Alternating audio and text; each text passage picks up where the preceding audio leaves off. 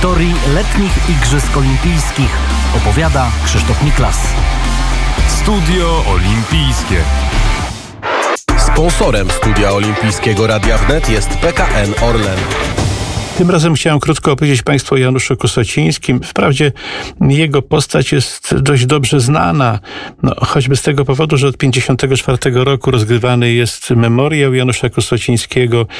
Kiedyś to były wielkie zawody w latach 50., 60., no jeszcze 70. na memoriał Kusocińskiego przyjeżdżali najwybitniejsi, najwybitniejsi lekkoatleci z Europy i nawet ze świata. A Janusz Kusociński był, jak pewnie Państwo wiedzą, mistrzem olimpijskim w roku 1932 w Los Angeles. W pierwszym dniu igrzysk zdobył złoty medal w biegu na 10 kilometrów. Zdobył ten złoty medal pokonując koalicję biegaczy fińskich, którzy dominowali od wielu lat w biegach długich i wydawali się nie do pokonania. On przełamał tę hegemonię, ale okupił to dość poważną kontuzją, ponieważ no, jak nowicjusz założył nowe pantofle na ten bieg i te pantofle bardzo obcierały. On kończył bieg z grymasem bólu na twarzy i w jednym z tych butów, tych kolców było pełno krwi. Niestety nie mógł wystartować już na 5 kilometrów, a to był właśnie jego koronny dystans, ponieważ mm, on przed Igrzyskami Olimpijskimi ustanowił dwa rekordy świata. Jeden na 3 kilometry i dlatego właśnie na memoriałach Kostocińskiego bieg memoriałowy to jest dystans 3 kilometrów oraz na dwie mile. Dystans nieco dłuższy. Wtedy y, te dystanse milowe były bardzo, bardzo popularne. To przecież Anglicy, jak gdyby tutaj dyktowali od połowy już XIX wieku w lekkoatletyce pewne, pewne reguły.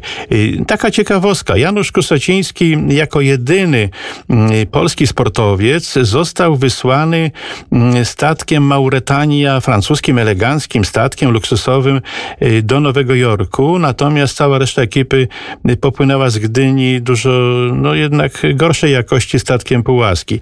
Y, I y, podczas tego rejsu na Mauretanii Kusociński zaprzyjaźnił się ze swoimi rywalami, z Finami. I ani oni nie mówili po angielsku, ani on nie mówił po angielsku, oczywiście nie mówiąc o innym, ale doskonale się porozumiewali grając w karty. Właściwie całą prawie drogę przegrali, przegrał Janusz Kosociński, nie w sensie dosłownym, że przegrał pieniądze, ale że grał z nimi w karty. Takim ten czas na, na Uretanii upłynął.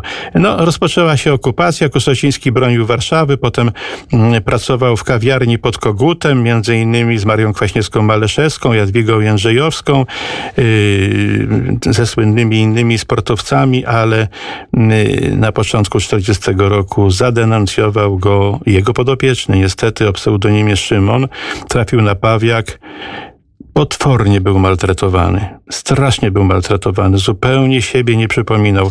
No i jak wspomniałem, 21 czerwca 1940 roku został rozstrzelany w Palmirach.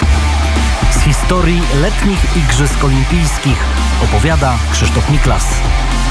Studio Olimpijskie. Sponsorem Studia Olimpijskiego Radia Wnet jest PKN Orlen.